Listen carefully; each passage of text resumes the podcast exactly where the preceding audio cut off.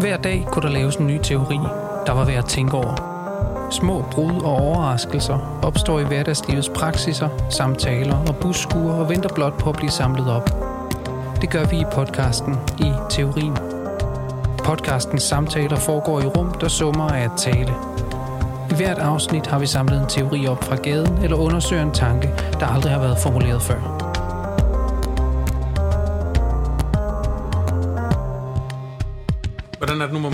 Ledningen egentlig? Kan jeg ja, det går fint. Okay. Ja, ja. ja. Nogle gange det fucker det hele op. Vi har jo en teori, faktisk, synes jeg. Mm. Ja, lad os begynde i den ende. Ja, og vi har en teori, der som ikke er helt øh, eksplicit måske formuleret, men det kan være, at vi kan komme til det. Men altså, det, den, den starter et eller andet sted i retning af, at der er en magisk tænkning forbundet med nogle helt almindelige praksiser, som man sige, umiddelbart, som vi alle sammen stort set kender til, og som umiddelbart fremstår som øh, fornuftige, øh, konstruktive, løsningsorienterede, og alt muligt, nu begynder jeg næsten allerede at tale det sprog, men altså, den måde, som man forvalter øh, kollegialt samarbejde, medarbejdere, indflydelse, øh, beslutningstagning og udvikling af koncepter, øh, principper, værdier, missioner og sådan noget for virksomheder eller offentlige institutioner. Altså at man, man, man taler sammen om nogle, nogle ord og nogle forståelser eller nogle måder at tænke på eller beskrive verden på, og, og finder frem til en eller anden form for fælles nærmest identitet igennem nogle bærende sådan betegnere. Det kunne mm. være for eksempel, altså i vores virksomhed, der vores øh, mission har at gøre med, så finder man typisk tre sådan store ord, ikke? Det er bæredygtighed, og det er værdighed, og det er vækst. De kan jo fint hænge sammen, de tre, ja, hvis, man, hvis man ikke lægger noget indhold i dem. Og på en måde er det lidt, lidt det, der er pointen, ikke? At, at der er en form for magisk tænkning knyttet til den slags processer, og til den slags ord, eller tilgangen til ord, kan man sige, at man, man taler sig frem til en, til en til på en måde til næsten en magisk løsning på, hvad er det, vi skal, hvordan er det, vi skal tænke, eller hvordan er det, vi skal se os selv, eller hvordan skal vi præsentere os selv. Ja, og måske, altså, det kom næsten allerede til at lyde som om, at man kun, kun kunne have et ironisk forhold til en virksomhed, som sagde bæredygtighed og værdighed, værdighed og vækst. vækst. altså, kan man sige, det, det er allerede sådan en lille smule på afstand. Men der findes jo virkelig også mange af den her type praksiser, som sådan virkelig går efter, altså nogen iværksætter en aktivitet, hvor man på en ret dyb måde leder efter nogle grundord, eller nogle nøglebegreber, eller nogle kerneværdier. Altså det er sådan grunden og kernen, og mm. vi skal ind i dybden og sådan nogle ting. Ikke? Vi skal have fat i nogle af de der sådan helt grundlæggende værdier. Måske altså sådan værdier er virkelig nogle af de der pejlemærker, som ofte kommer i spil. Og så kan man udvikle noget. Det kan også være sådan noget som respekt, eller omsorg, eller frihed for den sags skyld, mm. ikke? Øh, som man undersøger sammen i nogle samtalesalonger eller et eller andet, og så udvikler man på, det bag, på den baggrund sådan et, et fælles ståsted i forhold til nogle af de her meget vigtige øh, værdier. Jo, og det er vel det der med, Altså, I har begge to sagt det på lidt forskellige måder, men at, at mere end at det bare er, at man kan indgå i, det har mange forskellige ord, det der sådan noget tom tale, management, sprog, newspeak, øh, bullshit, snak, og det er helt klart også et element af det, men det som, eller der hvor vi forsøger med den her teori at gribe an, er at sige, faktisk er der lige før det, en form for, altså at man kan næsten have sådan en, et direkte, øh, helt umedieret forhold bare til ord. Fordi det der, som du taler om, Brian, med at så skal man ind i en proces og ligesom grave grundværdien frem og sådan noget, at sagen er så den, at det viser sig til sidst, at den er et ord. Mm. Altså grundværdien er et ord, mm. simpelthen, som vi ender med at og sådan skulle koble os til. Jeg, jeg har selv siddet i flere sådan nogle processer der, hvor man starter med også at få at vide, at vi skal gerne have fundet frem til tre ord til sidst. Ikke? Altså, okay, men dem kan vi da hurtigt finde, eller sådan, men, men man skal slå ligesom igennem... og slå op i ordbogen. Og, og tage nogle ja. ord, eller sådan, altså, men, men næsten som om, at altså, det er sådan et pengeskab, der skal klikkes op, når du har fundet den rigtige mm. kombination. Ikke? Øh, så vi skal, vi skal hen til et sted, hvor vi ligesom har fundet de rigtige ord, vi kan, vi kan tilslutte os. Og i forhold til det der, som, som du indled, indledte med at sige, Henrik, så, så er det jo noget med også, at, at den direkte vidshed, der er i forhold til de der ord, har sådan en form for magi koblet til sig. Altså sådan, det der, det er, det er simpelthen så sandt et ord. Altså selve det ord, skidt med hvad, hvad kontekst det indgår i, altså, men værdighed, det er simpelthen, øh, det er lige det, jeg mener. Det er at det, jeg har siddet og sagt den sidste halve time. Nu har du fundet ordet for det. Det er værdighed. Det er det, jeg mener. Og det der med den magiske forbindelse, altså måske skal man lige gøre en lille smule ud af det, og det er selvfølgelig det, vi skal undersøge og prøve at udvikle øh, teorien omkring, men jeg tror, Freud, Freud siger et sted i Totem og Tabu, at det der med magi, det er sådan noget med, at, at man forveksler en ideal forbindelse med en, en, kan man sige, materiel forbindelse.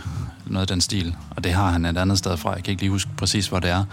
Men det der med voodoo-dukken, for eksempel. Ikke? Mm. Altså her har du så dukken, og den kan du stikke nåle i, og så vil det få en, en effekt på lang afstand i forhold til den konkrete fysiske person, som du er ude efter at skade med det.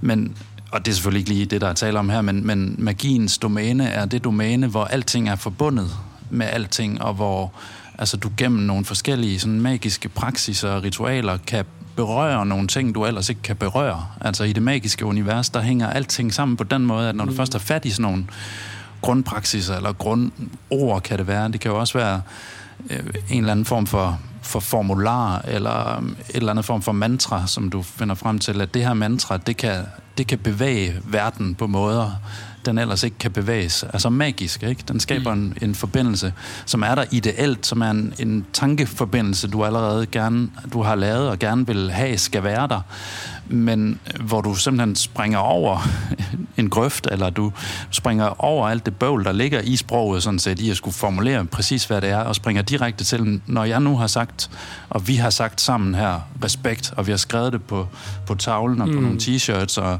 måske lavet en lille øh, vandtatovering eller et eller andet, ikke? Så, så, så fungerer det simpelthen, ikke? Nu, nu har vi et ja, fællesskab der, omkring der det her. Et, og der er noget, som man på en måde også er nødt til at anerkende, tror jeg næsten, at, at der er en en forstand i, hvilken det faktisk fungerer. Altså ligesom magisk tænkning, altså på nogle måder kan så at sige skabe sin egen kausalitet nærmest. Altså at der er noget om, at hvis jeg tror på, at lad os nu sige, at, at, øh, at respekt er en virkelig central værdi i vores organisation. Ikke? Altså, det kan godt være, at der ikke egentlig har forstået noget særligt konkret ved det, men det alligevel kan skabe en eller anden form for effekt af samhørighed eller sådan noget, så der er, en, der er en form for, og det er derfor, det er en magisk tænkning, altså der er en voodoo-praksis, mm. der i en eller anden forstand faktisk fungerer, altså i hvert fald skaber yeah. en effekt, ligesom en placebo-effekt i det hele taget, ikke? Altså, som handler om at sige, hvis du tror, at du får noget, der hjælper dig, så har det en effekt, øh, som kan eftervises, kan man sige. Jo, og spørgsmålet er ja. faktisk også lidt, hvem der bliver snydt af det der. Fordi man kan sige, placeboen, der kræver det jo også på en måde, at man bliver snydt. Du ved ikke, om du er i kontrolgruppen, eller om du er i den gruppe, der får den aktive medicin.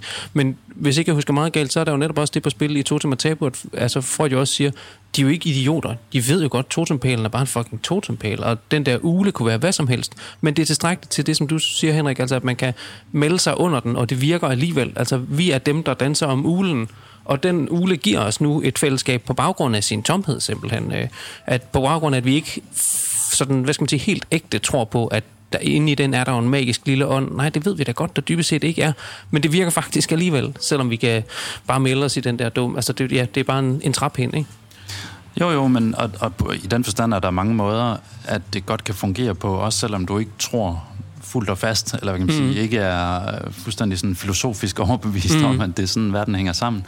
Fordi det kan jo godt, altså, det er jo ofte sådan, at, at sådan nogle ord kommer ud og vandrer i en organisation. Ja. Øh, værdighed, eller respekt, eller bæredygtighed, eller vækst, eller hvad det nu måtte være. Ikke? Og så hver eneste gang, man så skal have et initiativ igennem, som man på en eller anden måde har en interesse i et eller andet projekt eller sådan noget, så husker man lige at koble op på det magiske øh, virksomhedsord, eller mm. sådan det magiske løsen. Det skal man lige huske at sige, eller på LinkedIn lige lave sådan en hashtag Præcis. værdighed, eller hashtag mm. øh, bæredygtighed i uddannelse, eller et eller andet. Og så er man med.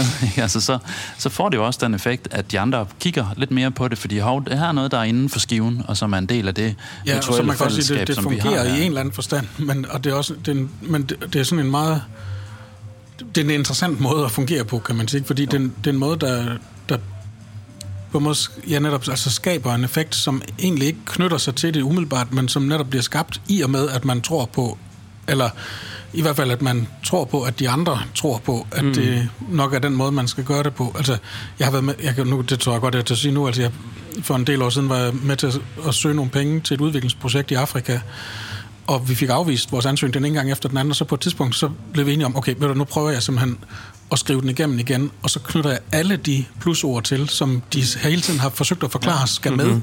og, de, og de skal gøres konkrete, så man kan se for os, hvordan det her skal realiseres. Det var egentlig ikke helt det, vi ville. Men hvis vi nu prøver at skrive det igennem, så fik vi pengene. Jeg tror, vi fik en halv million, altså ret hurtigt efter. Mm. Fordi vi fik sagt det på den måde, så, så de der rigtige signifianger, kan man sige, var i spil, og man mm. kunne sådan se for sig, det, de har da forstået noget med ligestilling og bæredygtighed i organisationen og sådan noget. Det var den slags ting, det handlede om. Mm. Men er der, altså, og det er jo så spørgsmålet, om der, hvordan niveauerne er her, om der er sådan en, om der rent faktisk findes, kan man sige, magisk overbevisning i visse miljøer, hvis man skal sige det sådan.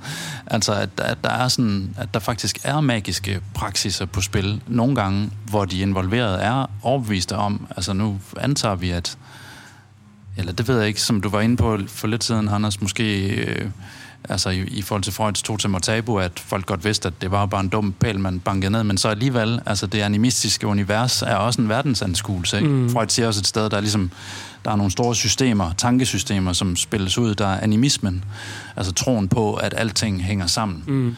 Alt er sjældent forbundet på en eller anden måde, og et enkelt ord kan løse, eller kan, kan være løsnet til at forstå øh, alt muligt, og sætte ja. alt muligt i værk og sådan noget.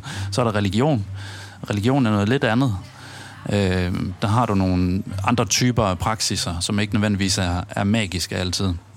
I hvert fald i kristendommen. Og så har du videnskaben, som er sådan et, et helt tredje system, en helt tredje forklaringsmodel. Altså i religionen, i kristen religion, der sætter du Gud udenfor. Gud, Gud kan vi ikke forklare i det animistiske system kan vi sådan set forklare det hele. Vi har principperne til at forstå det. Og i videnskaben, der er det hele tiden til, til videre udarbejdelse og flere undersøgelser osv. Ikke? Men det, der er i den der vidsthedspraksis omkring øh, nogle ord, som simpelthen bare bliver sådan nogle sandheder, som man får sådan et, et amuletagtigt forhold til. Det ja. kunne jo være, at det var sådan en decideret animistisk praksis faktisk, og at man havde det men, godt men med jeg det. tror også, måske altså. er der noget, der, der knytter lidt op på spørgsmålet om, og det ved ikke, om vi lige kan afgøre, men altså, hvad det egentlig så vil sige at tro. Altså, fordi ja, det var klart. det, som Anders det var rødt væk. Altså, at på en måde, i en vis forstand behøver man ikke at tro.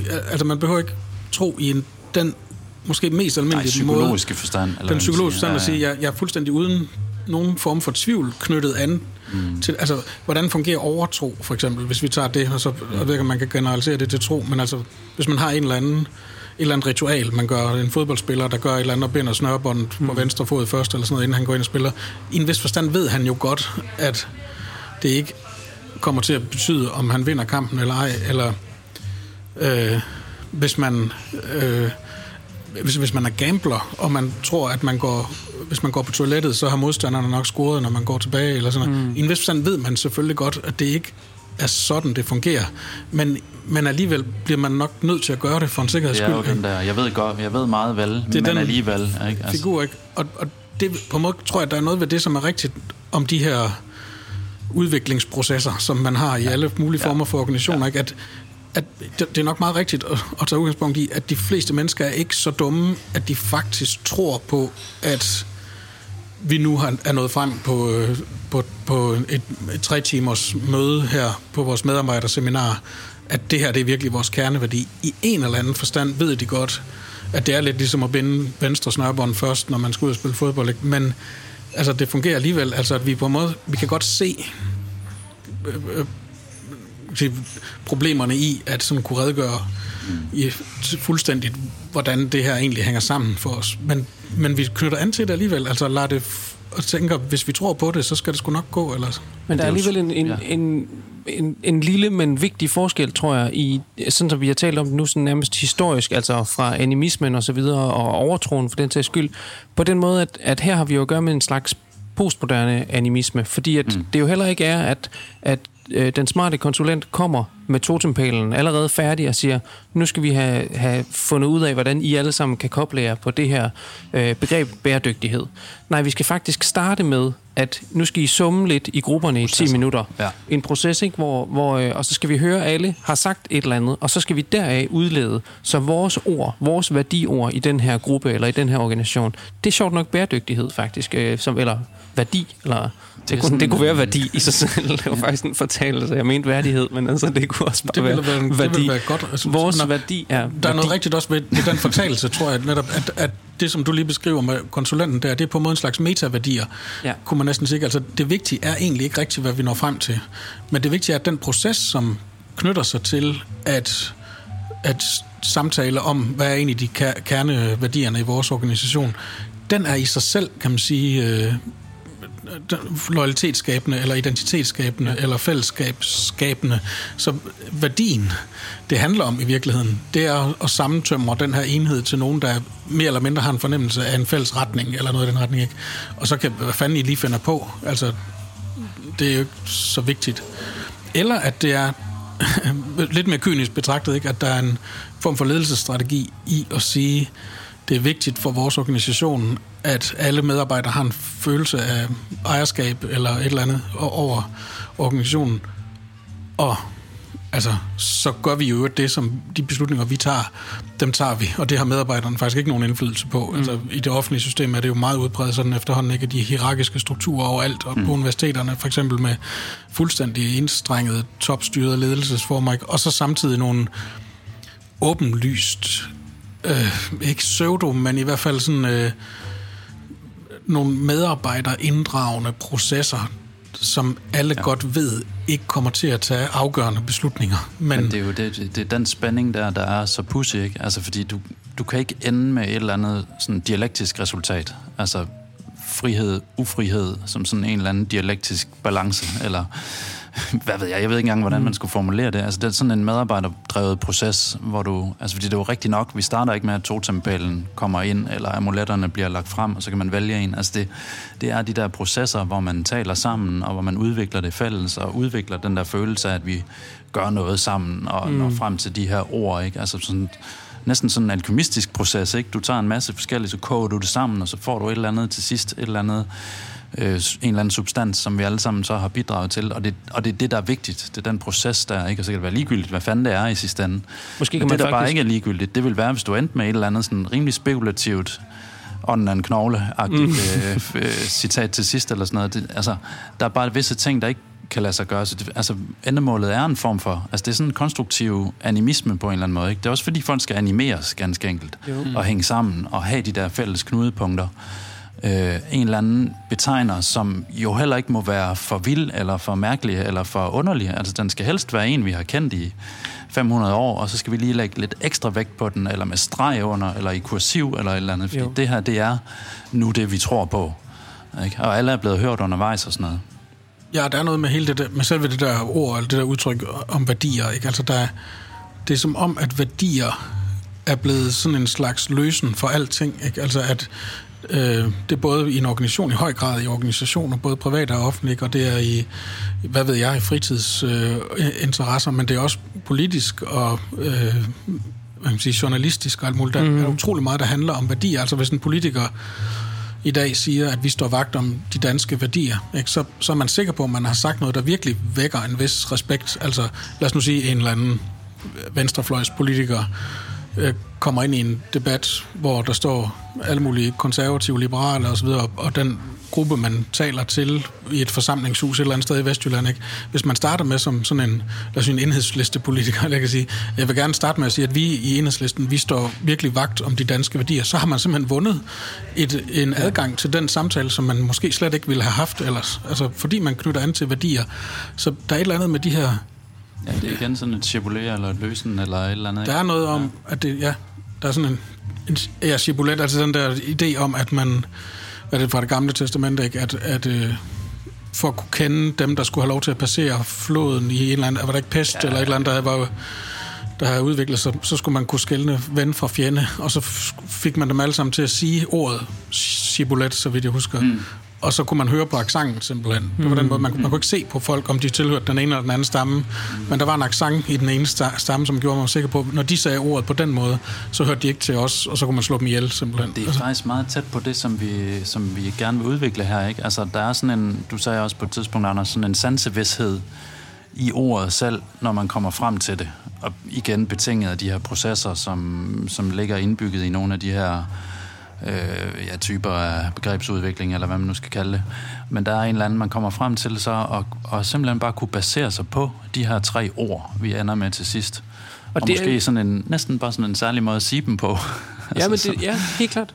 Og det er jo der, hvor, hvor der er noget over, hvad kan man sige, øhm, altså jeg tror ikke folk går ind til den proces med, med forestillingen om, at, at vi nu har gang i noget, noget ny magisk på en eller anden måde, at nu, nu gør vi det her til sådan en halv spirituel seance. Jeg tror, man forestiller sig, at det er enormt sekulariseret egentlig, mm. det der skal foregå. Ikke? Øh, altså, og det kan godt være, at, at konsulenten ikke har totempælen færdighugget med ind, men han har en totempæl med ind. Og vi skal så finde ud af, hvad for et dyr det er, vi ligesom vil have derop på. Og det skal vi sådan lige snakke os frem til først, hvad for et dyr repræsenterer. Det kunne fandme lige så vel være et dyr, som det kunne være det de der ord. Ikke? Det er helt sikkert. Det sker når, garanteret. Det, er, Jamen, selv en time når frem til, jeg tror, den skal have store øjne. Ja, præcis. Ja, ulen, for den er klog og vis og vågen om natten, ligesom ja også og sådan noget.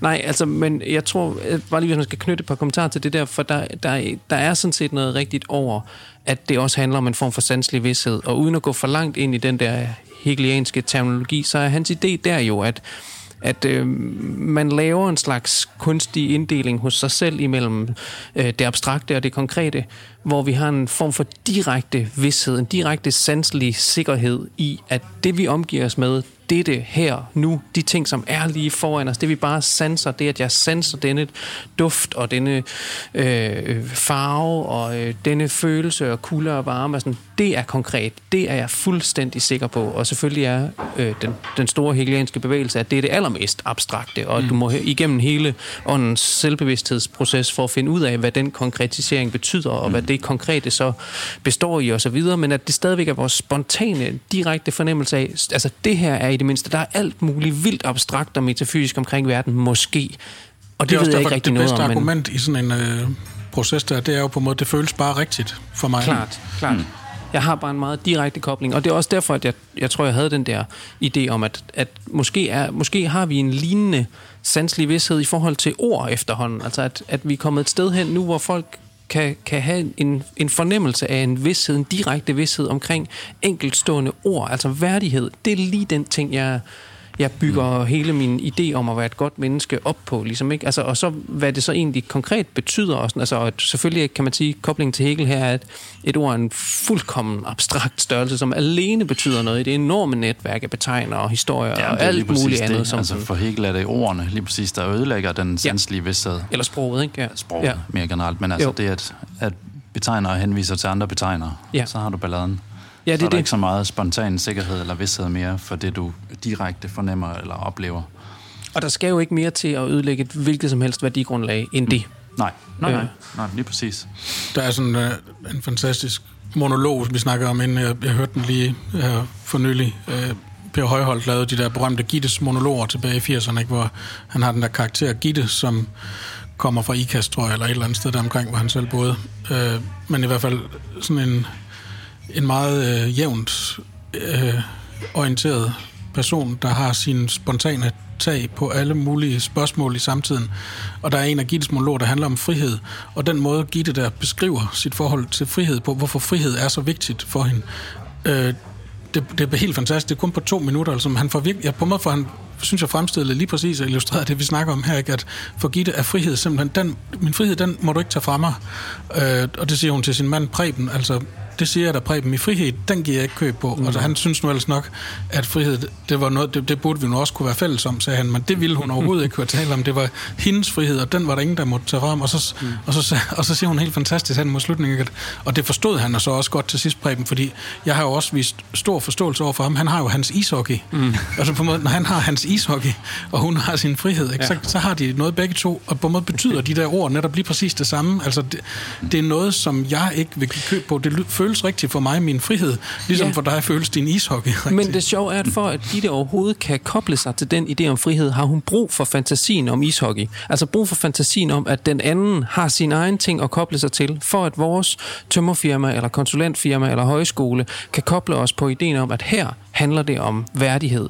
Men så er der nærmest implicit ideen om, altså ellers så er det selvfølgelig en, altså hvad skal man sige, en, en falsk dikotomi, ikke? Altså så er der ideen om, og der, derude et eller andet sted er der så en højskole, som baserer sig på uværdighed og fjendskab og øh, negativ vækst, eller sådan et eller andet. Ja, men det er jo så det der konstitutive ydre, som man næsten ja. ikke kan forestille sig. Altså, ja, men, som også ja. gør, at man, man kan ikke sidde på den pågældende højskole og diskutere frihed og sige, jeg er faktisk ikke helt sikker på, at frihed det lige holder hele vejen igennem, mm. fordi har, har I læst Hegel, eller Kant, eller Marx, mm. eller et eller andet.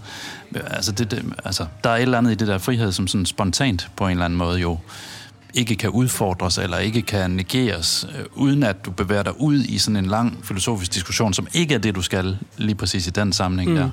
Men det giver måske, altså det der med frihed og ishockey, sådan en eller anden fornemmelse af sådan en tribalisme nærmest, ikke? Altså vi har sådan forskellige mm. tribes, jo. Øh, og, og øh, så har vi sådan hver vores ord eller dyr, som du sagde, Anders, så det skal vi så finde frem til, og det, det kan på en eller anden måde fremmanes af os, altså når vi nu laver de her processer her, ikke, og, og graver dybt ind og prøver at vise hinanden osv., så kan vi måske blive enige om, at der er et eller andet fællestræk, eller der er en eller anden sådan unært træk, og det kan vi så arbejde videre ind, og så kan vi til sidst lave logoer og stempler og tatoveringer og sådan noget. Det tror jeg er meget rigtigt, og det, det, det er en vigtig dimension i det, ikke? At det, og der er vi tilbage ved det med, at, at på måde, at det betegnerne egentlig ikke rigtig selv har nogen særskilt betydning. Det har det måske nok i en vis forstand, men det vigtigste er først og fremmest, at de skaber den der, den der forbindelse imellem os. Altså ja. næsten bogstaveligt, at det binder os sammen. Ikke? Altså, øh, nu er vi dem, der identificerer os på den her måde. Ikke?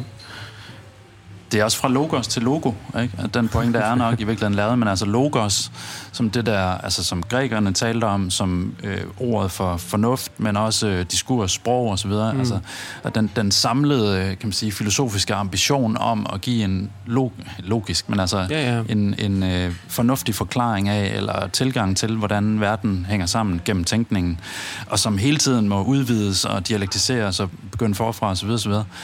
Og så til logoet.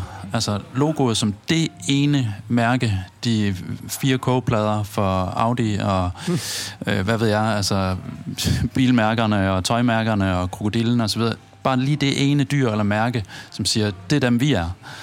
Øh, ja, det er et meget godt eksempel. Altså, det er jo fantastisk opsummering af det på en måde, ikke? Men, men det er også et godt eksempel, fordi det hænger sammen med det der med den sanselige vidsthed, som Anders har snakket om. Jeg tænker, altså, fordi det er heller ikke helt ligegyldigt, hvordan de her ord egentlig ser ud, tror jeg. Altså, hvordan, mm, hvis man forestiller sig, at man skulle lave dem til et logo. Altså, vi har tre kerneværdier i vores organisation, ikke? så nytter det ikke noget, at den ene af dem er sekulariseringsprocessen, eller sådan et eller andet, fordi det er for langt og for mærkeligt, ja. og det er for indviklet. Altså, det, ja. der frihed er meget bedre, ikke? eller værdighed, det kan lige gå. Og tre af dem, der sådan på en måde hænger lidt sammen, måske har der en rytme i dem, eller måske næsten et rim, eller en alliteration i hvert fald måske. Der er også akronymet, som er så benyttet. Nu fandt Anders lige på her for, for lidt siden, værdighed i faglighed. Det bliver et koncept, øh, ja. han kommer til at rulle ud. Og, mm. og det kan man jo hurtigt sige, men det er jo VIF, det er jo det er simpelthen VIF-tilgangen. Ja. ja. Og på en måde er der bare et eller andet, det er VIF-modellen måske mm, i virkeligheden. Ja. Og øh, det at kunne lave det der akronym, Altså det er simpelthen også bare en praksis, ja, ja, som jeg personligt er fysisk udsat for i store dele af mit arbejdsliv, at det meget ofte handler om at pusle nogle ord på plads, så de kan lave det rigtige akronym, så man, så man på en eller anden måde kan få en gennemslagskraft. Men jeg tror faktisk hele den der idé om logoet, og som Henrik siger, om den der måde, som det sådan, altså at ordet skal sætte sig partikulært på, faktisk vidner om den her øh, hvad skal man sige, ja, sandsligt visse måde at gå til ordet på, som om ordet i sig selv virkelig er en ting, og en ting, vi derfor kan grave mere ind i, mere frem i, uden dog at forlade ordet. Det skal ikke sættes ind i en ny kontekst, men det er for eksempel at give det en ny font, altså at lave et logo ud af et ord, mm. for eksempel, det får det faktisk til. Nu, har, nu, nu slutter det med, altså så står der værdighed, men det sidste D, det bliver også lavet lidt til et hjerte, mm. og så bliver det på den måde sådan et Øh, altså så går vi endnu mere ægte eller rigtigt længere ind i det ord. Der er simpelthen ja. mere grav frem, og det er jo virkelig en magisk ting. Det føles bare rigtigt, sådan der. Og det er jo lidt, altså jeg tror, var det ikke, øh, det, nej det måske være 10 år siden eller sådan noget, der var den der øh, sådan en, en, en, en film, der hed Live, Love, Laugh, ikke? Øh, som vist nok var, er efter forlag en, en roman, men som blev til øh, et hav af plakater, og det eneste, der var forskellen, var forskellige fonte, altså forskellige skrifttyper simpelthen, ikke? Men sådan som om, at man kunne på en måde blive ved med, at, altså at, at det der livsdiktum, disse tre værdier, ikke, disse tre øh, alliterære eller der, som ligesom så elegant kunne ligge i, i munden, som man kunne sådan hænge op i sit hjem. Men min Live, Love, Laugh plakat er ikke lidt ligesom din, fordi min har en anden font. Jeg har simpelthen fundet mm. på en sjovere måde lige at, at skrive det på. Man kan faktisk, hvis man går tur hernede på Søren Frederiksvej, så kan man se øh, ind af alle, der, sådan, der ligger en stribe af virksomheder hernede, og de har alle sammen i hver deres øh, sådan frokoststue, har de øh, sådan værdier stående på væggen, altså malet på væggen helt konkret. Og den eneste ting, der adskiller dem, er skrifttyperne simpelthen. Altså, at nogen står i kursiv, og nogen står i, i, mm. i, en, i en fed font osv. Men er det, altså den der øh, visuelle bearbejdning af betegneren, og den, kan man sige, næsten forvrængning, altså der sådan for, freudiansk forbevægelse i det, er det, altså, er det selve nydelsen i ordet? Altså er det det punkt, fordi, altså, og det, det er jo en kæmpe lang teori, man kan folde ud på den baggrund, men altså hele Lacans teori om, at vi er sproglige væsener, det betyder, at vi er kastreret, fordi vi er nødt til hele tiden at omsætte vores begær i betegner, og den ene betegner fører til den næste betegner, så har du hele sprogsystemet. Ja. Så det er en kastration. Men øh, det betyder også en, i en vis forstand en opgivelse af en spontan direkte nydelse og tilgang til verden. Men på den anden side, så får vi en, en nydelse i tilgift, eller sådan en underlig kastreret nydelse i sproget, for eksempel med, ved at blive ved med at tale, eller øh, ved at artikulere sig på bestemte måder. Men, og er det det, der på en måde sætter sig sådan direkte fysisk i ordet, når man begynder at, at Jamen, lege der, der med tror, der er noget af det her, som er helt rigtigt. Altså, ja. Jeg sidder og tænker, så, så tænkt på før, ikke, noget af det, vi snakker om, at, at tænke på Louis Althusser og hans uh, ideologi og ideologiske statsapparat, ikke? hvor Althusser vil jo sige om meget af det, vi har snakket om, at det, som er en spontan ideologi, altså det er, at når man genkender sig selv i en eller anden betegner som, nu, lad os nu, frihed eller værdighed eller et eller andet, så er det fordi, man bekræfter sit tilhørsforhold til den stat, der har øh, interpelleret en til at tænke og tale og tro på bestemte måder, så når man ser en eller anden værdi igen i det her fællesskab, så ser man sig selv i den, fordi man allerede er blevet, nu siger jeg det for simpelthen ikke indoktrineret til at, til at tænke på den måde, så bekræfter man, ja, subjektiveret ja, ja. til at, at, at, se sig selv som sådan en, der støtter op om det. Ikke? Men måske er der netop lige præcis det, som så sker her, der er en form for raffinement mm. af den her spontane ideologi, som på en måde den her tilegnelsesproces, eller forvrængning, eller hvad du vil sige, som, som på en måde kan gør det muligt for os at tro på i en, i en anden forstand, at vi ikke bare genkender os selv i værdierne, men at vi på en måde altså, man kunne næsten sige, tager indholdet ud af værdierne og gør dem til ren ornamentik, men til vores. Altså, det er mig, der har forvrænget det her til mit logo, ikke? Så jo. ja. det er ikke bare, at jeg bekræfter samfundets værdi ja, om demokrati, for eksempel. Jeg kan sige, at jeg tilslutter mig. Jo, men det er demokrati, rigtig nok, men det er ikke sådan bare det, som vi har fået at vide, at øh, regeringen siger, at vi skal tro på, eller sådan noget andet. Det, det er vores helt egen måde at se det på, i virkeligheden. Jo, det er på den danske måde. Ikke? Altså, ja. det er demokrati, men det er på en dansk måde, eller det er frihed, men det er på en dansk måde. Og eller det her, og det er her hos os, hos Olofsen og Søn, ikke? det er jo, os, der ja. ser demokrati. Men det er også de små Præcis. forskelles narcissisme på den ja. måde. Ja, her står frihed i kursiv på den her måde, ja. men lige med den her særlige, og med, med seriffer, hvor de andre har måske mm. uden seriffer. Eller, altså det er, sådan, det er de der små ting, der gør, at vi har fyldt vores præcise nydelse i det her begreb, som driver det for os, i modsætning til de andre måske, ikke? Ja, og derfor er det, det der er jo virkelig, vi er ved at have kredset meget godt ind, synes jeg, at ja. der er virkelig en magisk tænkning i den meget direkte forstand. Altså, vi har talt ja. om totemfællesskaber, ikke? Og det er jo på en måde det, det som, som foregår, ikke? Og så den der øh, underligt diffuse måde at knytte an til en eller anden betydning, men som man ikke egentlig forstår noget særligt konkret ved, men som alligevel kendetegner ens sådan dybeste væsen næsten. Jo, og det er på den måde kan du sige, at de der værdiprocesser, hvor man skal ind, og nu skal vi sådan, nu har vi taget en hel dag ud af produktionsapparatet øh, her, han har sagt, altså ud af, af vores almindelige produktioner, så skal vi alle sammen sidde fra alle afdelinger og snakke om, hvad værdierne er osv., er jo på den måde faktisk en, en omvendt psykoanalyse, fordi det handler om også at komme altså, ud af tænkningen igen. Altså nu skal vi hen og sætte os fast på nogle enkelte, i psykoanalysen vil man så også sige symptomer, ikke? Mm. men vi skal have nogle enkelte ord, vi ligesom kan sætte os fast i, som skal lukke tænkningen, og skal sørge for, at jeg ikke... Faktisk. Man laver selvfølgelig et fantasme, men som, som jo i en vis forstand stod klart på forhånd. Vi skal mm. bare finde ud af, hvad det allerede er. Men der er lidt for meget tænkning i gang omkring det. Det er lidt for bøvlet, at nede i køkkenet, der, der tror jeg, de tænker frihed lidt anderledes, end jeg gør, eller øh, end at jeg ligger måske lidt mere over i værdighed, de ligger lidt mere over i frihed, og det er ikke sådan, vi, nu skal vi lige have fundet ud af, hvad for et af de her fantasmer, vi skal have sat os fast i. Og den katarsis, der skal ske til sidst i den proces, er jo, at jeg får lov til nærmest perverst og sådan ligesom sætte mig fast i, godt, det er det her ene ord, vi holder fast i. Og så skal der faktisk ikke snakkes mere om det. Nu skal det stå fast i to år, mm. mens det her værdigrundlag er gældende. For først om to år skal det revideres igen. Ikke? Altså, så nu, nu bliver jeg enig med min analytiker eller konsulent her om, at nu forlader vi det her i to år. Nu skal du ikke tænke mere over det. Altså, og så, så nu har du ligesom noget at holde, holde fast i her. Så hele den der bevægelse, som var i gang i dit sind, skal stoppe nu. Ikke? Så på Ej, den måde, der, er noget, der er meget, meget fint ved det her, synes jeg, at det, at det, er på måde, det er lige præcis en omvendt psykoanalyse i den forstand, at det, når Lacan taler om at traversere fantasmet, ikke, så det på en måde, så at sige, at rejse det hele igennem og tage fat i alle de huller og sprækker og mærkværdigheder og kontradiktioner og sådan noget, der ligger i, i den måde, mit, min verden hænger sammen på, kan man sige.